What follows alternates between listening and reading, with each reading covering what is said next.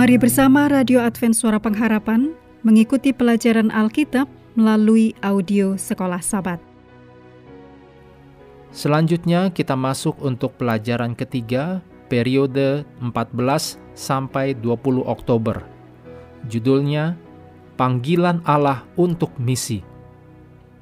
Untuk pelajaran pekan ini, Anda boleh baca Kejadian 11 ayat 1 sampai 9, Kejadian 12 ayat 1 sampai 3, Daniel 9 ayat 24 sampai 27, Matius 1 ayat 21, Kejadian 12 ayat 10 sampai pasal 13 ayat 1, Kisah 8 ayat 1 sampai 4, dan Kisah 1 ayat 8. Ayat hafalan Kisah para Rasul 1 ayat 8. Tetapi kamu akan menerima kuasa kalau Roh Kudus turun ke atas kamu, dan kamu akan menjadi saksiku di Yerusalem dan di seluruh Yudea dan Samaria dan sampai ke ujung bumi.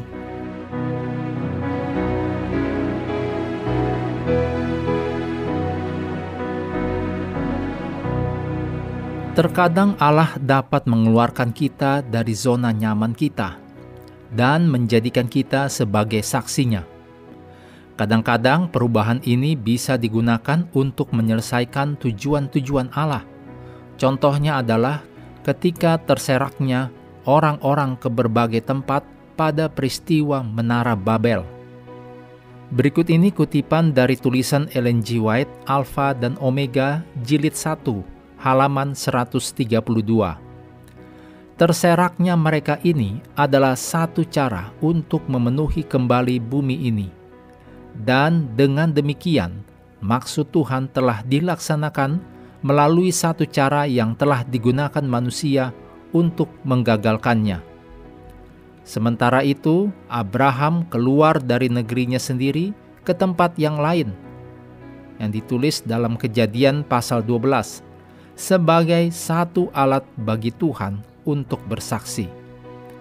Murid-murid Yesus beralih dari yang tadinya bekerja hanya bagi bangsa mereka sendiri, yang ditulis dalam kisah pasal 3, sekarang mereka bekerja bagi bangsa lain juga, yang ditulis dalam kisah pasal 8 ayat 1 sampai 4. Dalam kisah para rasul 1 ayat 8, Yesus meletakkan satu prinsip penginjilan.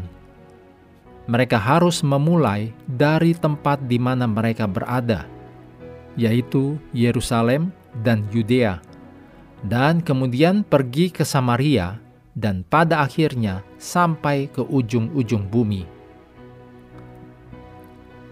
Tetapi, kalaupun kita tidak meninggalkan negeri kita, Allah tetap menginginkan kita untuk menjangkau orang-orang yang ada di sekeliling kita.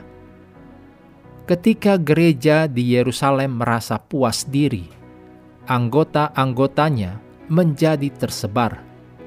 Walaupun penganiayaan datang dan orang-orang ini menderita, hal yang tidak menyenangkan ini menjadi sarana untuk menyebarkan kabar baik ke seluruh dunia.